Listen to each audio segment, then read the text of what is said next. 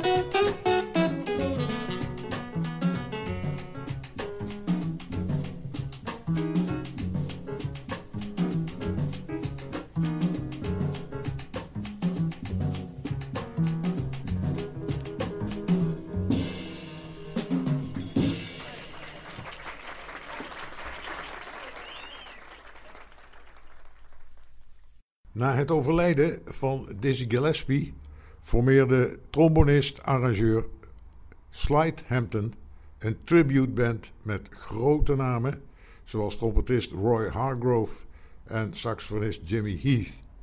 De opname is gemaakt tijdens een optreden van de band in de vermaarde jazzclub in New York, de Village Vanguard. Hier komt Diddy Wa Diddy.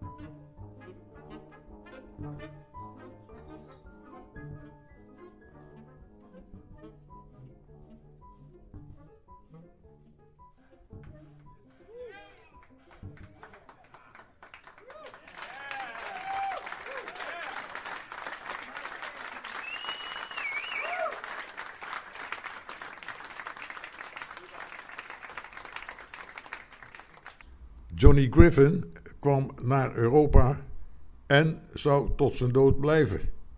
Hij kreeg hier het respect dat hij verdiende, in tegenstelling tot Amerika, waar nauwelijks respect bestond voor jazzmuzikanten. Ik heb hier een opname van een concert in de vermaarde jazzclub Montmartre in Kopenhagen. En Griffin wordt hier bijgestaan door het trio van pianist Kenny Drew.